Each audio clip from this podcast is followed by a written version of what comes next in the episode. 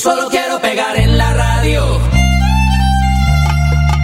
Yo solo quiero pegar en la radio. Republika Latina. Latynoski głos pod każdą strzechą.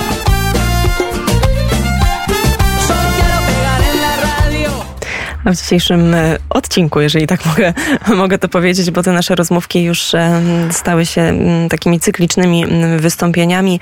Dużo polityki i dużo o politykach. E, W studio jest Zbyszek Dąbrowski, gospodarz studia Republika Latina. Mój buenas tardes. Tardes. Muy buenas tardes. Tak, rzeczywiście, tak jak wspomniałaś, dzisiaj tak się złożyło akurat, że e, ci politycy, e, nazwijmy to z najwyższej e, półki, czyli e, głównie przywódcy krajów, będą nam się e, pojawiać. E, Zacznijmy od Kolumbii, od polityka, który ma duże szanse wskoczyć na najwyższą półkę, czyli od kandydata prezydenckiego e, w najbliższych wyborach, które przypomnę Państwu, że odbędą się za dwa tygodnie. Pierwsza tura e, w wyborach prezydenckich w Kolumbii. Mowa tutaj o kandydacie lewicy Gustavo Petro. Dlaczego o nim wspominam? Dlatego, że jest to po pierwsze, tak jak mówiłem Państwu, Mm, Po pierwsze, kandydat, który ma największe szanse na zdobycie fotela prezydenckiego, dlatego że po prostu e, przoduje on w e, sondażach e, przedwyborczych. Natomiast po drugie też, że jest to bardzo kontrowersyjny kandydat. No i właśnie Gustavo Petro po raz kolejny troszkę zadziwił swoich współ- s- współobywateli, przepraszam bardzo. E, Otóż e, na ostatnim zebraniu w e, ubiegłym tygodniu Gustavo Petro w obecności swoich zwolenników mówił o sytuacji dyplomatycznej z sąsiadem Kolumbii, czyli z Wenezuelą. No i wspomniał o tym, że Jeżeli, e, jeżeli zdobędzie on urząd prezydencki, będzie dążył do na, ponownego nawiązania stosunków dyplomatycznych z tym krajem. I przypomnę Państwu tutaj, że e, pomimo tego, że Kolumbia i Wenezuela nie e, sąsiadują ze sobą, to od e, kilkunastu lat nie utrzymują oficjalnych stosunków dyplomatycznych. W 2010 roku ówczesny przywódca e, e, Wenezueli Hugo Chavez zerwał e, te stosunki. Ja już nie będę w tej chwili wchodził tutaj w historię, natomiast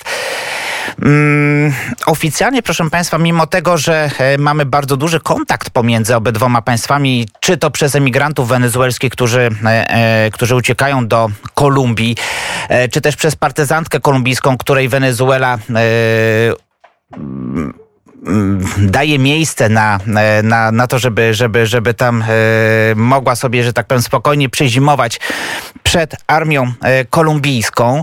E, obydwa państwa nie utrzymują stosunków, pomimo tego, proszę państwa, że no właśnie, utrzymują czy nie utrzymują? No bo tak, z reżimem Maduro e, Kolumbia nie utrzymuje stosunków dyplomatycznych, ale utrzymuje stosunki dyplomatyczne z opozycyjnym prezydentem, czyli Juanem Guaido i jego rządem, no, który de facto władzy nie ma, no, nie ma żadnej. No i teraz pytanie jest takie, czy nawiązywać rzeczywiście stosunki dyplomatyczne z krajem, który jest dyktaturą, czy krajem autorytarnym, no to jest, proszę Państwa, język dyplomacji. Ja tutaj nie chcę tego komentować, no ale weźmy pod uwagę, że no, my też mamy, nie wszyscy nasi, nie wszyscy nasi sąsiedzi e, są państwami w pełni demokratycznymi. Weźmy pod uwagę e, Białoruś, gdzie też mamy e, bardzo duże wątpliwości co do prezydentury, czy wyboru prezydentury Aleksandra Łukaszenki. Mamy Rosję, o której, której chyba komentować nie trzeba, no ale mimo wszystko te stosunki dyplomatyczne e, są utrzymywane, no i chyba powinny być utrzymywane. No i teraz tylko, proszę Państwa, e, w przypadku Wenezueli sytuacja jest taka, że jeżeli e, Gustavo Petro rzeczywiście wygrywając wybory nawiąże te stosunki z, dyplomatyczne z reżimem Maduro, oznaczać to będzie, że Kolumbia uznaje e, reżim Nicolasa Maduro za demokratycznie wybrany rząd, czyli reprezentanta kraju, e, co będzie na pewno bardzo dużą jakością, zwłaszcza, że przypomnę Państwu, że mm, Kolumbia, obecny rząd kolumbijski e, jest Juana przepraszam, Iwana Duque jest no, jednym z największych, naj, najzagorzalszych wrogów właśnie reżimu Maduro. Zarazem też jest jednym z największych sojuszników Stanów Zjednoczonych na terenie Ameryki Łacińskiej. E, na to pytanie teraz w tej chwili Państwu nie odpowiem, e, czy, e, czy i jak mogłyby się stos- e, mm, wyglądać stosunki dyplomatyczne pomiędzy obydwoma państwami w przypadku, jeżeli wygra Gustavo Petro, bo też szanse są na to, że być może osta- na, na ostatniej prostej przegra, tak jak to było w wyborach 4 lata temu. Natomiast serdecznie Państwa zapraszam na najbliższą niedzielę, na godzinę 22. Moim gościem będzie Hermes Jain, Kolumbijczyk, który no, dosyć dobrze się E, orientuje w sytuacji swojego kraju i właśnie z nim porozmawiamy sobie, zrobimy taką pierwszą audycję przed wyborami, e, właśnie żeby przedstawić Państwu kandydatów e, do, do, na urząd prezydencki w Kolumbii, ale również żebyśmy przedstawili Państwu sytuację polityczną, jaka, jaka panuje w tym kraju. A po wyborach być może zorganizujemy sobie drugą, kiedy już będziemy wiedzieli, kto, e, kto te e, wybory wygrał. E, mówiąc o politykach i o przywódcach kraju, warto przenieść się teraz na południe Ameryki Południowej, czyli do Chile. Niedawno wybrany w grudniu ubiegłego roku Gabriel Boric, świeży, młody prezydent kraju. Przypomnę, polityk liczy sobie 36 lat. Polityk, który Mówi się, że z jednej strony ma doświadczenie polityczne, z drugiej nie. No bo tak, e, jest on e, byłym przywódcą strajków studenckich. Jest on byłym również deputowanym, ale proszę Państwa, e, Gabriel Boric nie ma doświadczenia politycznego, nadal nie ma doświadczenia politycznego, jeżeli chodzi o bycie członkiem rządu. No i tutaj, proszę Państwa, okazuje się, że niestety ten brak doświadczenia politycznego owocuje w sposób negatywny. Gabriel Boric traci poparcie w sondażach. Mówi się, że od początku objęcia swoich e, swojego urzędu do 1 maja, kiedy był przeprowadzony ostatni sondaż wyborczy, utracił, proszę Państwa, 23% poparcia. W tej chwili e, Gabriela Boricza e, popiera zaledwie 24% mieszkańców Chile. Okazuje się również, że, że mm, wszelkie obietnice, które składał Gabriel Boric, no takie mocno idealistyczne, proszę Państwa, no nie zawsze stojące mocno na ziemi, no niestety zdarzyły się zderzyły się z brutalną rzeczywistością. Przypomnę Państwu, że na południu tego kraju w e, ósmym i dziewiątym regionie, czyli e, mówimy tutaj o regionach Bio, Bio i Araucania, mamy do czynienia cały czas z zamieszkami społecznymi, które e, wiązane są z ludem rdzennym Indian Mapuche, którzy domagają się powrotu swoich ziem, ale zarazem też te ruchy są, nie chcę powiedzieć, że wspierane, ale na ich, na ich karkach, powiedzmy na ich plecach jeżdżą po prostu zwykli pospolici przestępcy, którzy po prostu chcą mm, e, siać zamęt na południu Chile. Gabriel Boric twierdził, że e, sytuację da się e, gładko opanować rozmowami. Tymczasem okazuje się, że niestety nie. I to, co robił poprzedni prezydent, czyli Sebastian Piniera, który kazał wysłać wojsko i policję w celu uspokojenia tych, tych, tych zamieszek, Gabriel Boric to po, potępił to działanie. Natomiast teraz okazuje się, że parę dni temu Gabriel Boric sam powiedział, że no niestety bez wojska i policji tego się po prostu nie da zrobić.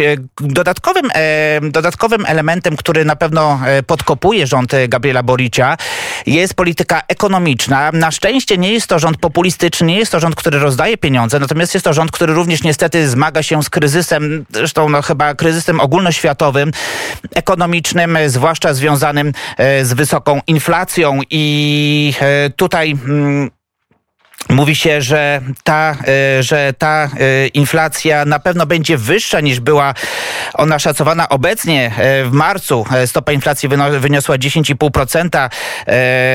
W zeszłym roku wynosiła ona zaledwie w cudzysłowie 7%. Także w tej chwili mówi się, że ta roczna stopa inflacji na pewno będzie wyższa niż zakładana, natomiast wzrost gospodarczy też będzie niższy. Dodatkowo jeszcze pozycję w rządzie Gabriela Boricia podkopują członkowie jego rządu, którzy też są młodzi ludzi, którzy też mają dużo, dużo ciekawych pomysłów, natomiast którzy też nie mają doświadczenia, którzy, którzy nie są znani e, i e, de facto e, oni się po prostu uczą w tym, jak funkcjonuje rząd i dlatego też popełniają, popełniają błędy. Ja osobiście trzymam kciuki za rząd Gabriela Boricia, bo jest to naprawdę młody, ciekawy polityk, natomiast no niestety, proszę Państwa, tutaj też na, jak widać na idealizm w polityce nie zawsze jest miejsce.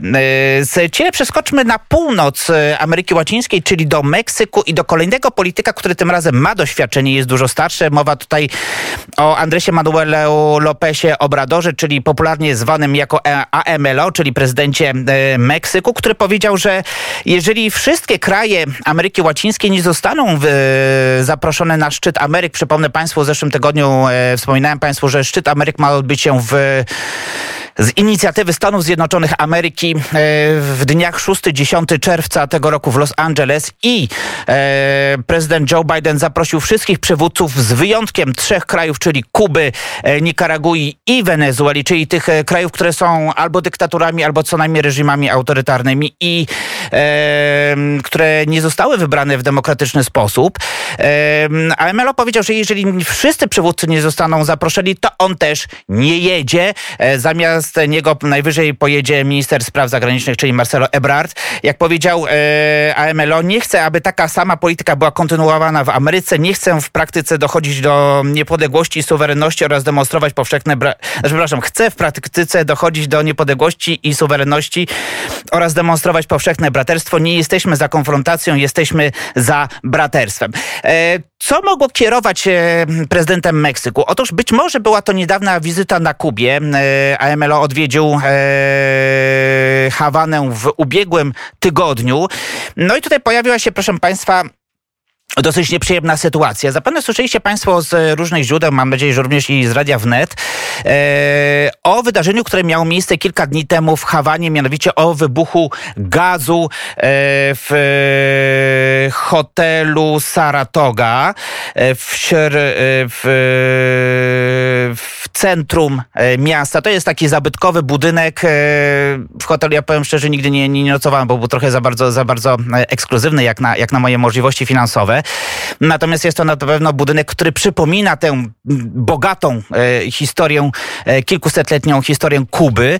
E, przypomnę Państwu, że w wyniku wybuchu zginęło ponad 40 osób. Mówi się tutaj bodajże o 42 osobach. No i sami Kubańczycy chcą, żeby wprowadzić żałobę narodową, mimo tego, że przypomnę Państwu, że Kubańczycy są ludźmi, którzy lubią się bawić, no ale e, tragedia, gdzie, gdzie ginie kilkadziesiąt osób, wymaga żałoby narodowej. Tymczasem prezydent Kuby e, e, Miguel Díaz-Canel e, zorganizował przyjęcie na cześć prezydenta Meksyku, gdzie wszyscy się świetnie bawili, grała muzyka, tańce, śpiewy. No i okazało się, że, że niestety, ale, ale po prostu Kubańczycy lubią się bawić, ale powinni chyba, chyba troszkę, troszkę, troszkę wyhamować. Zbyszek Dąbrowski, Republika Latina. Czy już zapraszałeś na... Zapraszałem, ale zaproszę jeszcze raz na godzinę 22 w niedzielę. Będziemy, przypomnę, mówili o e, obecnej polityce e, w Kolumbii i przedstawimy również troszkę więcej to, co przedstawiam tutaj Państwu w serwisach. E, zapoznamy Państwa dużo bardziej, postaramy się z naszym gościem zapoznać Państwa z polityką współczesnej Kolumbii i kandydatami w wyborach prezydenckich. I my również zapraszamy.